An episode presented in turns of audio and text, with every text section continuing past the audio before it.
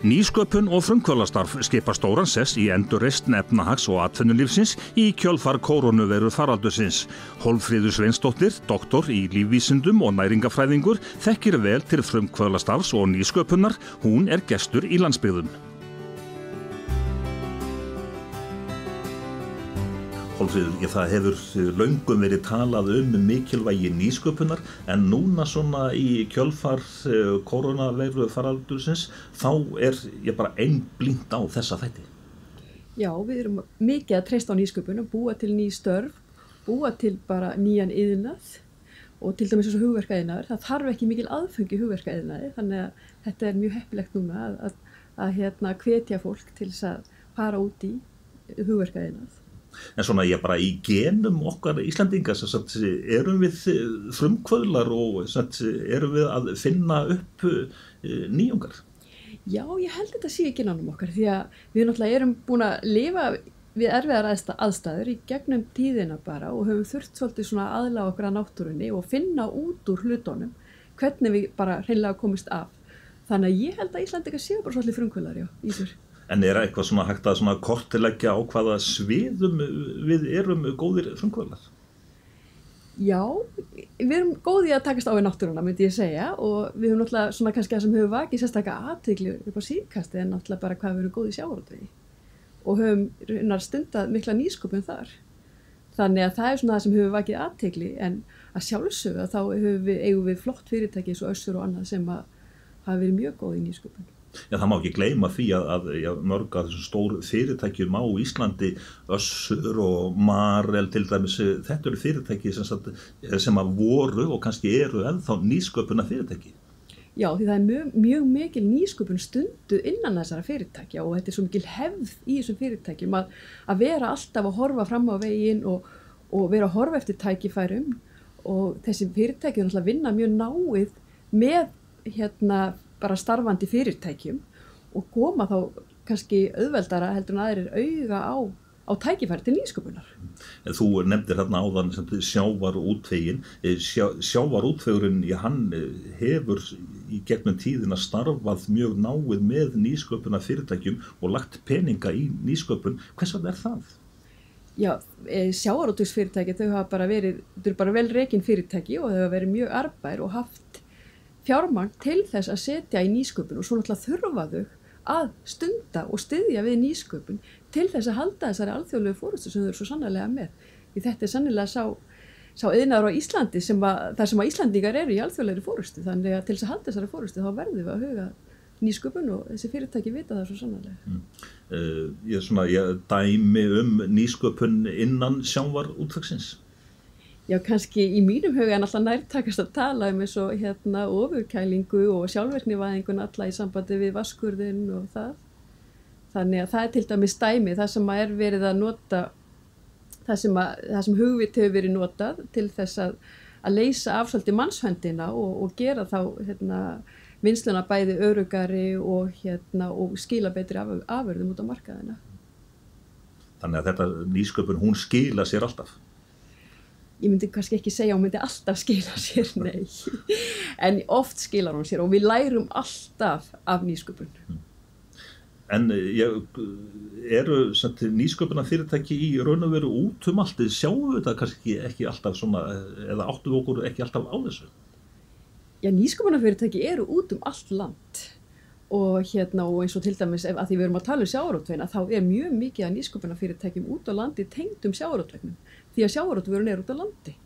En að sjálfsögðu eru nýsköpunafyrirtæki líka tengt landbúnaði ferðaþjónustu og öðru. Og ég tala ekki um hérna, orkufyrirtækjánum og þannig að það er, það er, jú, það eru nýsköpunafyrirtæki út um all land. Þú nefnir ég ferðaþjónustuna eh, þarna og ég þar er sannlega mikil nýsköpun, er það kannski svona í og með vegna þess að þetta er svona alþjóðleg samkeppnisgrein? Já og þau eru náttúrulega kannski svolítið svona að horfa til upplifunar og annað og þá þurfa þau svolítið aðlæða sig að því sem við höfum hér upp á að bjóða og gera svolítið svona kannski, þetta er svolítið svona tækni yfirfærsla getur maður sagt kannski, að, veist, að það er að þú veist við erum hérna með einstakar náttúru og fólk er að þá að aðlaga sína starfsemi að, að þessari náttúru og bjóða ferðamannum upp á ákveðna upplifun og við sjáum nú til dæmis eins og bláa lónið að þetta er einstakt og það er náttúrulega svo rosalega mikil nýsköpun sem hefur átt sér stað þar því að það er raunni verið að nýta hana jarðvarma og, og þennan kísil sem er til staðar hana í að auka upplifun ferðamanna á einstakann hátt. Þannig að jú, erum, það er mikil nýsköpun innan ferðarþjónustunar nýsköpunar klasar svona, ég, þeir svona spretta svolítið upp eða hafa gert það á undahörnum eh, árum. Sem sagt eh, ja, frumkvöðul sem er með einhverja hugmynd hvernig ná hann að byrja? Já, góð spurning, hvernig ná hann að byrja? Ef hann er komið hugmyndina þá náttúrulega bara að setja kassan út því þá þarf maður að fara sannfæra aðra. Og ég myndi segja hérna að, að fara til atvinnur áðgjafa það er mjög gott, það er yfirlt atvinnuráðgefar á vegum sveitafélagana og þeir eru síðan með tengingar áfram því að það er algjör grundöðlur að vera, finna góða samstarfsaðila því að það þarf að framkvæma hugmyndina og það þarf að fá peninga og þannig að það er, það er mjög erfitt að vera einn í svona, eða vera einn í nýsköpun þannig að hérna að finna neti sitt svolítið og þar komið með þessir klasar sér svo vel að vera inn í svona klasa, það er svo miklu betra heldur en að vera eitt því þá ertu líka einan um aðra frumkvöðla sem að er að gangi gegnum það sama og margir búnir að gangi gegnum það sem ert að gangi gegnum og geta miðlað sinni reynslu til þá þeirra sem eru þá kannski bara með hugmyndina. En svona við þessa klasa er það þá svona eitt svona sterkasta vopnið það er að, það er að búa til sagt, þetta andrúsloft, frumkvöðla andrúsloftið eða nýsköpunina já, andrumsloftið er mjög mikilvægt og þar kemur góð kaffistofa mjög stert inn. Að, hérna, að þú veist, maður svona ná í spjallinu og þetta verður svolítið svona, það verður svolítið svona dýnamík hann inni, veist, að fólk, og það sé, og það er mikilvægt að hafa líka svona, bara líka starfsmenn eins og atvinnur áðgjáðan á þetta, að þeir séu inn í þessum klösum og ég, hérna, og til dæmis er svo að fjárfestar, að þeir séu inn í hérna klösunum líka, það er líka mjög gott þannig að þá ertu strax farin að tala við eða þá sem að eru í forsvari fyrir fjárfestana svona eins og fjárfestingasjóður og svo leiðis það er oft mjög gott að hafa, hafa svo leiðis aðila líka inn í klösunum því að þetta er náttúrulega bara það sem að það sem þarf til þess að stunda nýsköpun það eru bara pening og svo náttúrulega þessi sérfræði þekking því að oft upplifa frumkvæla sig sem að þeir þurfa að vera sérfræðingar í öllu. Og það eru þeir svo sannarlega ekki. Þetta er oft fólki sem fær hugmyndina hefur ofur trú á hugmyndinni og síðan þarf að fara að stað. Og þá er svo gott að vera í svona klassa þar sem að aðrir eru og geta svolítið hjálpa manni áfram. Og það er ofta aðstæð, mjög góð fundaraðstæð og eins og segi kaffistofa og annað. Þannig að þetta, það er mjög til bóta að, að komast inn í svona klassa. En að hafa ofur trú á sinni hugmynd, það hlýtur að vera, ég bara líkilatriði líka. Það er algjört líkilatrið, því að þú er ekki trú á sig þá getur þau ekki ætlast til þess að aðrir hafa trú á því sem alltaf er að fara að gera þannig að það er algjört líkilatri að hafa trú á þessu og, og síðan þarf maður bara að fara á stað og vera skipulagður og, og hérna og til dæmis eins og tæknið þrónarsjóður hefur, hefur elvist mjög mikið síðustu árin og hann svona, svona ef maður maður skoðar hvað er þar í bóði að þá er þetta sko eins og fræið er fyrst sem að hjálpa mann svolítið með viðskipta hugmyndina og, og svo fer maður í sprótan þar sem að maður er svona svolítið að, veist, að byggja, byggja hugmyndina og þá er maður komið með sam, samstarfsaðila og annað og síðan getur maður að fara í vöxt þar sem maður, maður fær meiri pening og er þá farin kannski svona já, þetta er svolítið svona farin að geta starfrækt fyrirtæki í kringum þetta. Þannig að þetta er svona, þetta leiðir mann svolítið vel í gegnum, gegnum svona nýsköpuna ferlið að, að fara í gegnum þessar umsóknir sem að fólk gerir þegar sækir um til dæmis eins og í tæknið þróun. Þú hefur sjálfsagt fylst með mörgum uh, frumkvælunum þær breytast vantarlega hugmyndirnar sem satt frá því að hún verður til og uh, þar til, já, útkoman verður einhver. Já, mjög oft sko, en auðvitað má hún, í eðlísinu breytist hún kannski ekki, en það er svona hvernig hún er síðan útferð, að það er oft, það tekur oft miklum breytingum en það eru sjálfsagt svona, ég hef flestir sem að svona, ganga með eitthvað svona í höfðinu einhverja hugmynd er, er það ekki, þarf hún alltaf að vera mjög stór, sagt, þarf hún alltaf að vera að finna upp ljósaperu eða eitthvað þvíulikt Nei, alls ekki og það er einmitt þessar, kannski þessi, þessi litlu skref og þessar litlu hugmyndir sem að hjálpa oft fyrirtæki mjög mikið og, og, og frumkvölu líka að, að framkvæma nýsköpunina. Og það sem mér finnst líka mikilvægt einmitt og þá kannski við þess svona þegar maður fer til ráðgjafa eða ef maður er inn í klasa eða eitthvað, það er tengingin inn í fyrirtækin. Því oft hérna eru frumkvöndaldi með eitthvað ákveðna hugmynd og síðan fá þeir tenginguna inn í fyrirtækina sem starfsmennir eru kannski að, að díla við eitthvað vandamál sem að fyrtar akkurat inn í þessa hugmynd sem þú ert með. Að það hjálpar, það hjálpar þá frumkvölinum áfram, hann er hann kannski komið með eitthvað stuðningin í fyrirtæki og fyrirtæki sér sér hag í því að fjárfesta í hugmyndinni hjá, hjá hérna frumkvölinu. En er það ekki þannig í, í raun og veru að, að nýsköpunin og nýsköpuna starfið sagt, er einna mest innan sjálfra eða starfandi fyrirtækja í landinu? Jú, ég er allavega svona, þessi fyrirtæki sem, jú, ég hugsa að sé svona þeir sem er að dafna vel og svona þau, þau, hafa, þau vita að það þarf, mikla, það þarf nýsköpun, það þarf þróun það er bara þannig, við sjáum það bara í, til dæmis í öllum yðnaði, það er verið að að vera að leysa mannsendina af með tækjum og hérna og þessi þriðja yðbilding, hún gengur, gengur mjög mikið út á hérna, sjálfvirknivæðing og annað, þannig að jú, fyrir, það er mikil nýsköpun inn í fyrirtækjum og bara þau eru alltaf að þróa sig, bara eins og bara maður sér að heiminum þróast og þú getur að ímynda þér í dag með, eftir að COVID kom, eða COVID-19 þessi faraldur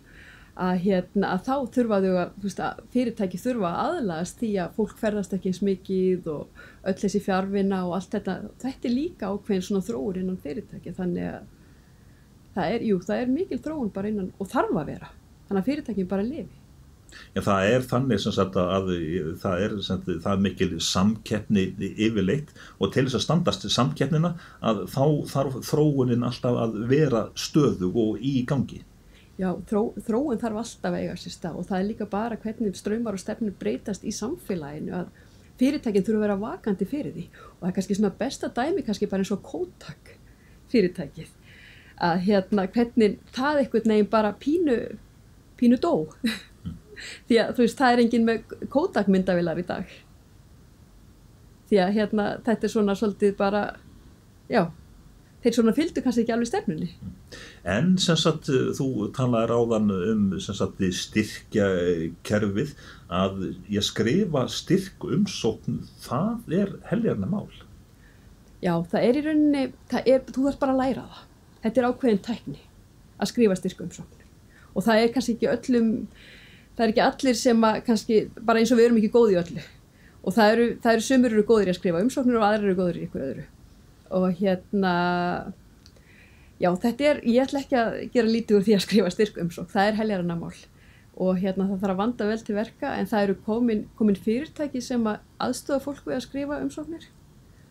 Og hérna þannig að það eiga allir að geta skilað af sér góðri umsókn. Og það er alveg vel þess virði að vanda vel til verka því þetta er orðnir eins og til dæmis teknið þrónusjóður, þetta er orðið, þetta er orðið miklu peningar sem er í að seilast.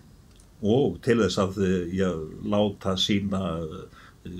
já, hugmynd, láta hana dafna, þá þarf maður styrki. Já, maður þarf peninga til þess að láta hugmyndina dafna og hérna, oft er gott að byrja í styrkjánum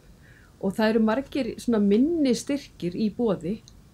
til svo aðeins að þróa hugmyndina bara sem eru þá innan eins og til dæmis hérna atvinnu þróunafélagana og hérna og síðan er þá kannski hægt að fara í teknið þróunasjóð og svo er þá bara að fara í fjárfesta. Þannig að þetta er svo sem alltaf eiginlega sama sama hugmyndin svona þú þarfst að selja eða þú setir alltaf sama, já, hugsunin þú þarfst að selja hugmyndina þína. Hvort þú þarfst að selja sjóðunum hana eða fjárfestum. Þannig að þetta þarf alltaf svona, já maður þarf að eins og ég saði, trú á henni og, og vera góður í að selja hana að tala fyrir sinni hugmynd. Já, algjörlega. Hvað með mentakerfið er, er, er mentakerfið að íta undir frumkvöðla starf og sagt, uh, alla þessa hugsun? Já, kannski svolítið erfitt fyrir mig að svara því því að nú er ég ekki alveg kannski starfandi inn í mentakerfinu en ég, sko, sko það er alltaf, já, nefndur eru mjög opnir fyrir nýjungum og það er bara heimurinn orðin þannig að, sko, krakkar hafa aðgengja svo rosalega miklum upplýsingum og, og já, ég myndi, seg, ég myndi segja að mentakerfi væri, væri opið fyrir hérna nýsköpun og öðru sko því að þeir eru nú farin að kenna nýsköpun. Þannig að já fyrir að stiðja við það myndi ég segja. En það er ég, svona, líka talað um sagt, þegar það er hort svona bara svona heilstætti yfir þjóðina að já, til þess að, að geta verið með nýsköpun og frumkvölastarf að það skiptir miklu máli í þessu öllu saman að þjóðin hún sé að mentastígið sé nokkuð hátt, skiptir þetta máli? Mentastið skiptir sjálfsögðu máli að hérna þegar maður er í, í nýsköpun en þetta er samt svona þetta er, þetta er svona ákveðin manngjörð finnst mér af, af, af, af frumkvölum. Þetta er fólk sem fær mikið, mikið af hugmyndum, góðum hugmyndum og svona bakgrunnurinn skiptir máli reynsla fólks en kannski ekki endilega menta gráðan maður, veist, þeir, þeir sem er að fá hugmyndir en svo þegar kemur að því að, að framkvæma að þá þartu ofta að kalla til sérfræðinga og fólk sem hefur þá sérhætt sér í ákveðnum hlutum eins og gerði viðskipta áallana og annað. En svona, já, frumkvöldin sjálfur ég myndi kannski ekki segja endilega að mentastíð myndi skipta þar mestumáli en þessi öll umræða núna í kjölfar COVID-19 þetta er sagt, umræðan, hún er mjög lituð af þessu um mikilvægi þess að sagt, fara út í eh, frumkvöðlastarfu og nýsköpun. Já, því að nú er bara svo mikið atriði að við, við sköpum eitthvað nýtt, búum til fleiri störf, búum til fleiri afurðir og hérna til þess að selja þannig að, að þetta er það er ekki, það er ekki skrítið að umræðan snúist um þetta og hérna og ég held líka að það hafi bara þú veist hérna bara fyrir svona tíu ára síðan kannski að þá snýrist svo mikið um það að þú, þú fegst hugmynd og hún, þú varst eða að geta selt það sem kom út af verðina út um allan heim. Núna er fólk aðeins fara að horfa svolítið nær sér og þessi alþjóðavæðing er kannski ekki alveg jafn ríkjandi í nýsköpunar hugsuninni við erum svolítið svona farin að hugsa kannski svona í, um nær umhverfið okkar og þetta sérst svo vel út í sveitónum það sem fólk er að, er að búa til heim á bæjánum eitthvað eins og bara matartengt sérstaklega og, og þá að, að selja sem beint frá bíli og ég held að þetta fara að skipta æg meira máli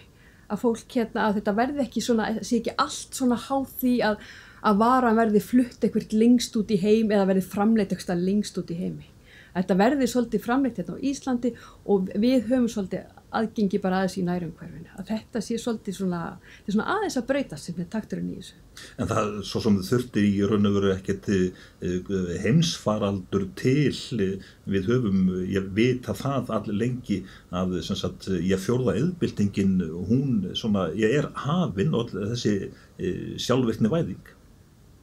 Já, já, hún er algjörlega hafin og við höfum séð það svo sannlega bara í nýðinarum hjá okkur hvernig við erum að í rauninni að, að, að leysa mannhöndina, mannshöndina þar af holmi með, með, hérna, með tölvum og, og, og öll stýring og annað. Hún er svona farin að verða svolítið, hérna, er farin að verða náttúrulega bara svona sjálfvirk og, þann, og við sjáum þetta um borði í, í fiskiskipunum okkar til dæmis þar sem er, er verið, bara, verið að nota myndavilar til þess að greina hvort það er þoskur eða ísa og við sjáum þetta í náttúrulega bara í hérna skurðavélunum hvort að hver er bein og það er bara skorið í burtu bara þá með hérna vaskeisla og talvan segir hvar, hvar beinið er þannig að þetta er svo sem búið að vera núna síðustu árin og þetta bara eftir að, bara eftir að aukast. En svo svona líka stundum ég heyri maður það að þarna sé verið að fælka störfum. Nei, ég er ekki sammálaði. Ég myndi frekar segja að störfin er að breytast. Það þarf nefnilega fólk til þess að, að, að við halda tækninni og þróa tæknina áfram þannig að störfin eru svolítið að breytast. Þau eru kannski að breytast úr svona að vera meira einhæf yfir í að vera þá kannski aðeins fjölbreyttari og, og tæknilegri. Þú, ég fylgist eh, ágætlega vel með hvað er að gerast svona víða út á eh, landi. Hvað ráðleggur þú já, sveitafélagunum og þeir sem að eru að standa í þessu öllu saman? Er það að byggja sagt, á grunni þeirra atvinnuvega sem að eru fyrir? Sagt, eh, ef að þú ert í landbúnaði hér að, að byggja þá nýsköpunina kannski á landbúnaði og svo kannski sjáarótvegi einhverstur annar staðar. Já, ég myndi segja það því að hérna það er svolítið erfitt að koma bara líka bæði að nýta nýsköpunina og koma auga og tækifæri til nýsköpunar einhver starf sem að, ég bara eins og með landbúnaðin að hérna þar, þar er svo mikil, sko ef það er mikil landbúnaðar á svaðinu að þar er líka svo mikil sérþekking á landbúnaði og þetta nýtist svo vel í nýsköpun. Þessi sérþekking sem býr í fólkinu sem vinnur við landbúnaðin þetta nýtist frumkvölinum svo vel. Þannig að og svo náttúrulega að bara að, að, að, að prófa og, og, og, þróa hugmyndina sína innan um allt þetta fólk sem að, sem að í rauninni þekkir yðnaðin svo vel að þetta auðvelda frumkvölinu svo mikið. Og það er samaskapi varandi hérna sjávarútögin að þetta. Og við höfum bara séð það sem að hvað við, þú veist, ég segi alltaf að þessi, þessi nýsköpun og þessi hérna, hversu vel það hefur tekist upp með nýsköpun í sjávarútvi er vegna þess hversu vel við þekkjum í rauninni sjávarútvegin, hversu sterk við erum í honum og, og hversu ofinn sjávarútvegsfyrirtækin hafa verið að hleypa fröngulónum bara inn á golf til sín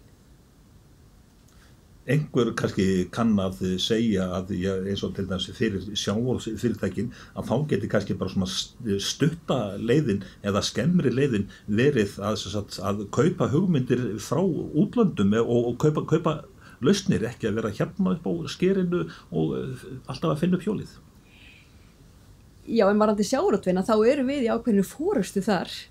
og þessar, sko, þessar lausnir eru ekki ekki til kannski í sjáarótvi annar staðar en það eru kannski til í ykkurum öðrum yðnaði og við getum nýtt okkur þetta og aðlaða þetta að sjáarótvinu það er kannski svoleiðis frekar sem að hérna, og það er alveg verið að gera það. Alveg hérna og ég get bara ég get nefnda sem dæmi að því að hérna ég kannast aðeins við það í sambandi við hérna myndgreininguna á, á hérna fiskinum að svo hugmynd kemur frá Danmörku. Það sem að bændur notu þetta til þess að skoða hérna útlitt á sigurófum hvort það væri eitthvað skemmtir eða eitthvað í sigurófunum og líka að telja þær. Þau notuðu svona myndgreiningu sem var síðan yfirfærd bara yfir á fiskin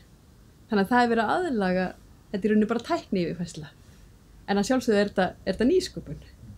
Þannig að það má alveg þú veist,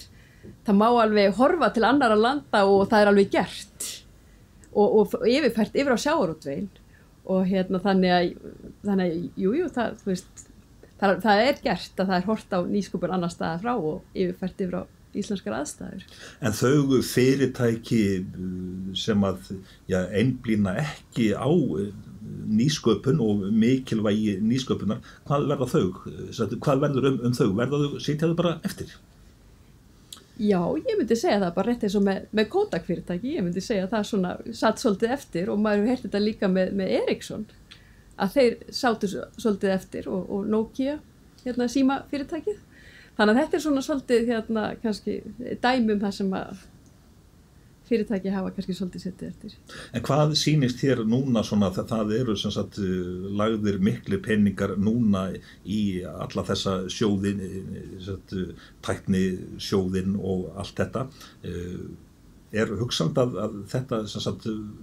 verði bara svona í skamman tíma mikilvægi þess að við höldum áfram þessu, ekki bara svona sem afleiðingar heimsfaraldus? Ég hef ekki trúið að þeir taki skrefið tilbaka sérstaklega varandi þessar aðgerðir eins og að hækka þakkið á hérna á hérna kostnaði varandi rannsóknir. Innan rannsóknir og þróuna innan fyrirtækja það var hækka á 600 miljónum upp í 1100 miljónir núna vegna COVID-19 en ég hef ekki trú á því að það verði lækkað aftur niður. Og hérna lítil og meðalstór fyrirtæki þau geta fengið 25% ég held að það sé rétt hjá mér er frekana 35% til, tilbaka af skattinum þannig að skattaafslátt segi þannig að hérna og stærri fyrirtæki eitthvað aðeins minna. Þannig ég hef ekki trú á þessar aðgerði verið, það verið bakka með þessar aðgerðir mm. því að það á eftir að koma í ljós að þetta, þetta hjálpar bara En hvað sýnist þið svona á þessum sagt, eh, ja, ný, nýsköpunar eh, fyrirtækjum eða sagt, eh, þessum skrifstofum eða deildum sem að setja eru upp sérstaklega fyrir frumkvöðla verður, verða, verður svona starfsemi komin upp bara sagt, í hverjum landsfjólfungi eða bara á hver, hverjum stað heldur þið? Ég vona það því að ég held að svona klasa samstarf eða svona klasar að þetta sé bara nöðsynlegt til þess að fyrir frumkvæla og fyrir nýsköpun innan sveitafélagana að, að vera með eitthvað, eitthvað einhvers konar svona, já, einhvers konar klasa. Og þetta þarf ekkert að vera landbúnaðaklasi eða sjávarklasi, þetta þarf bara að þetta sé að frumkvölarnir hafi svolítið stuðning hvora af öðrum og þarna hafi þeir hérna, eins og atvinnum þróuna fulltrú og aðra sem þeir geta sótt sérþekkingu í. Þannig að síf, þeir upplifi sig ekki svona eina eins og þeir þegar maður tala við frumkvöla þá upplifa þeir sig oft svolítið eina og hérna þannig ég held og ég hvet, myndi hvetja sveitafélug til þess að koma sér upp einhvers konar einhvers konar klusum til það sem að, að frumkvölar geta komið og, og stunda sína nýsköpun En sem sagt til þess að við svona uppsúmerum þetta allt saman hólfríður, sem sagt sá sem að er með einhverja hugmynd í kollinum, eh, hvernig á hann að fara af stað þannig að hugmyndin verði nú hugsanlega af veruleika? Já það er það fyrsta að setja kassan bara út